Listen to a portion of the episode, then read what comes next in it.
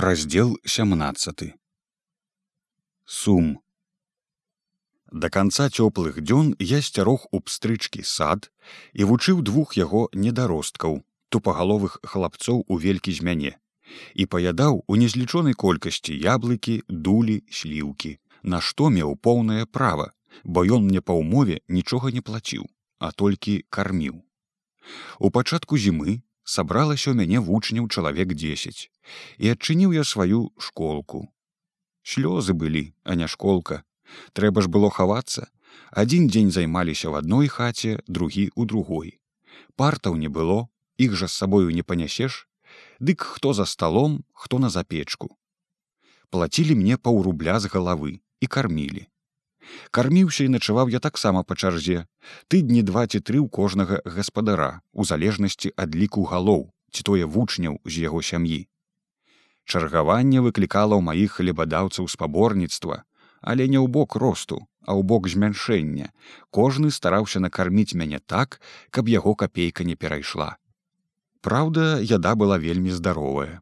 Капуста з грыбамі бульба з алеем гарох з бульбаю Ніколі я раней не думаў, што мяшчане ядуць горш за мужикоў. А ў гэтую зіму праканаўся.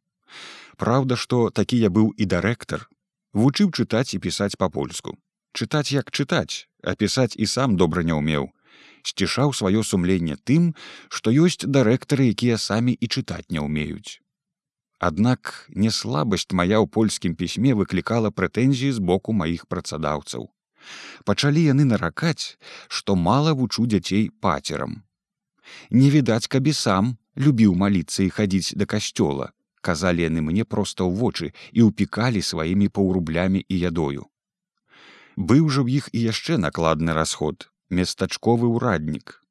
Між іншым ён і развязаў маю лёс. Просто запрасіў да сябе пачаставаў чаркаю гарэлкі і яечняю і сказаў вось што падпольны дырэктар вучы дзяцей так каб бацькі былі задаволены і плацілі мне акуратна а то не стоіць аўчынка выдзелкі я цябе прыхлопну будзем шукаць другога і адпусціў мяне з мірам а я быў вельмі рад прычыне і падаўся ў дымісію якраз канчалася зіма я і так на сілу яе вытрымаў абрыдла мне маё жабрацкае харчаванне. Абрыдла мне і ўся моя педагагічная дзейнасць За ўвесь гэты час адзіным блізкім мне чалавекам у брудзянішках быў малады каваль арон абрамаў сын зэлікаў унук што жыў цяпер у хаце майго нябожчыка дзядулі. Хату моя маці прадала яго бацьку за 25 рублёў. І гэты самы блізкі мне чалавек часта вельмі трапна падсмейваўся з мае дырэктарскай работы. А жонка яго ева заўсёды казала лепей быць шаўцом у вільні чым дырэктарам у брудзянішках. Але мусіў я дабыць свой тэрмін да вясны. Так сяк яго дабыў. Зашумела веснавая радасць, прыляцелі з выраю жаўранкі і гракі, прыгрэла сонейка страшэнную гразь на брудзяніцкіх вуліцах. Калі я выязджаў, спякла мне ева на дарогу добрую халу, а арон падвесяліў мяне і сябе добрую пайсахоўкаю. І раптам зрабілася нам сумна раставацца. Ну нічога, наўмысле вясёла казаў арон. спаткаемся, як будуць лепшыя часы. Лепшыя часы ківала галавою Ева, кормячы свайго крыклівага першынца сваёю худаватаю ўжо цыцкаю. Можа наш кіндер іх дачакаецца. І я паехаў. Усю дарогу мне было сумна, хоць такі цёплы ветрык павяваў у акно вагона, і кожнае дрэўца пачынала так прыгожа зелянець было гэта вясною 1914 года. Прыехаўшы ў вільню, знайшоў я сабе невялічкі толькі павярнуцца, але асобны пакойчык на вялікай пагулянцы, недалёка ад кватэры дзядзькі Туркевіча. І пакуль быў без работы, дык разоў колькі заходзіў да гэтага заўсёды вясёлага і гаманлівага чалавека. Ён працаваў цяпер столярам на камбінаце графа тышкевіча і параіў мне паступіць туды табельшчыкам, бо якраз адкрывалася вакансія. Я і паступіў. Ён жа першы параіў мне схадзіць калі-небудзь на беларускую вечарынку суботнік, што адбываліся тады кожную суботу ў беларускім клубе на віленскай вуліцы 29. там табе казаў павесялее а то ты нешта без пары нудны мацейка пайшоў я спярша дзеля цікавасці а потым спадабалася. Там былі невялічкія канцэрцікі спевы а пасля скокі і розныя гульні. Хадзілі туды ў большасці вучні з настаўніцкага інстытута і хіміка тэхнічнага вучылішча. Розная служачая моладзь дзяўчаты дочки дробных служачых і рабочых а таксама дзяўчаты што былі з вёскі і працавалі ў горадзе. Хто хатняю прыслугаю хто прачкаю хто чым танцавалі вальсы і мазуркі полькі і кракавякі але абавязкова таксама лявоніху юрачку мяцеліцу. І ўсе казалі адзін аднаму ты хоць бы і зусім яшчэ незнаёмыя. Так там было заведзена на беларускі народны лад.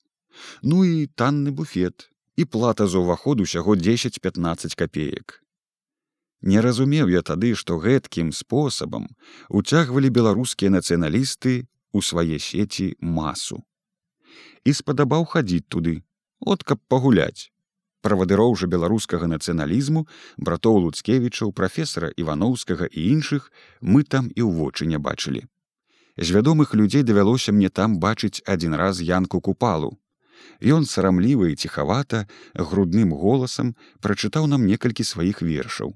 Здаецца, паскакаў і полячку з нейкаю дзяўчынаю. Выпіў шклянку гарбаты ў буфеце і ціхенька пайшоў з клуба. Быў ён тады яшчэ малады, гадоў 30 і бландзін, дык выдаваў яшчэ маладзей. Хадзіў у скромненькім шэрым гарнітурчыку і ў старых зношаных баціначках. І я падумаў: такі непрыкметны чалавечак і так складна піша вершы. Захацелася ў той час і мне паспрабаваць пісаць вершы. Але прабаваў я і па-польску і па-руску нічога не выйшла. Цяжка.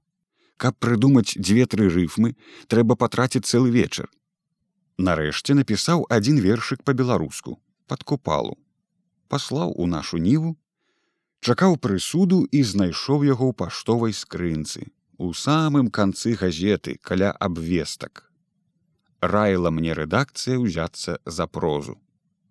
Узяўся я за прозу, надумаўся апісаць сваё горкае жыццё. Як размахнуўся, вечары за тры дайшоў да свайго побыту ў дзядзькі ў мінску. Чацвёрты вечар не пісаў, пайшоў на беларускі суботнік. І толькі ўваходжу ў залу, а мне на спатканне сама моя юзя у пары з ромусем рабейкам. Здзівіўся я страшэнна, замуляўся, хацеў завярнуцца ды ўцякаць. Позна. Юзя падскочыла да мяне ўчапілася, паказвала, што дужа мне рада, тым болей тут, дзе яна першы раз і нікога знаёмых. Учасаная, расфуфыраная і какетнічае і смяецца дужа вясёлая. І рабейка пры ёй, як важны індык. Ну, раз так і я пачаў быць сам сабою але думаю як яна сюды трапіла оказывается пакуль я самотнічаў і ў маткі рэдка бываў і нічога не ведаў дык дзядзька мой у вільню пераехаў і майстэрню на пагулянцы адчыніў. І нават дзе недалёка ад таго дома дзе я тады жыў. А рабейка перайшоў да яго ад вяржбіцкага маладым майстрам. І кінуў я апісваць сваё жыццё. Зрабілася мне сорамна. Падраў пашматаў у печу кінуў юшку адчыніў і сярнічкаю падпаліў ляці маё горкае жыццё дымам вядома юзя запрасіла мяне да сябе. Дядзька суліў мне работу ў яго майстэрні. Але з праўдзіваю радасцю спаткала мяне толькі янінка. І падрасла ж яна за год на вярсту. Зрабілася тоненькая і худенькая Юзя ізноў пачала была чапіцца да мяне. Ды ўжо цяпер дудкі я быў не той. Янінка падрасла на вярсту, а я паразумнеў на галаву. І трымаўся я цяпер з юзею спакойна і нават насмешліва.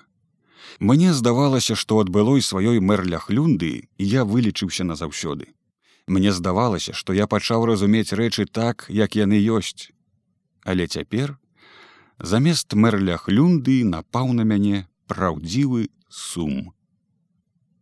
Толькі час за работаю на камбінаце праходзіў для мяне роўна, спакойна і нават прыемна, бо работа моя была лёгкая. канчалася работа, цягнуўся я ў свой пакойчык, чытаў газету, браўся за кніжку, і сум мой пачынаў мяне душыць.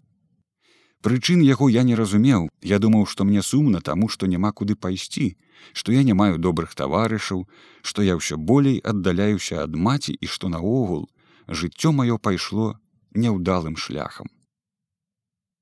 У ліпні я зусім ужо сабраўся быў ехаць у сібір да бацькі. Аж тут, як гэта кажуць, нечакана гранула вайна. І я затрымаўся.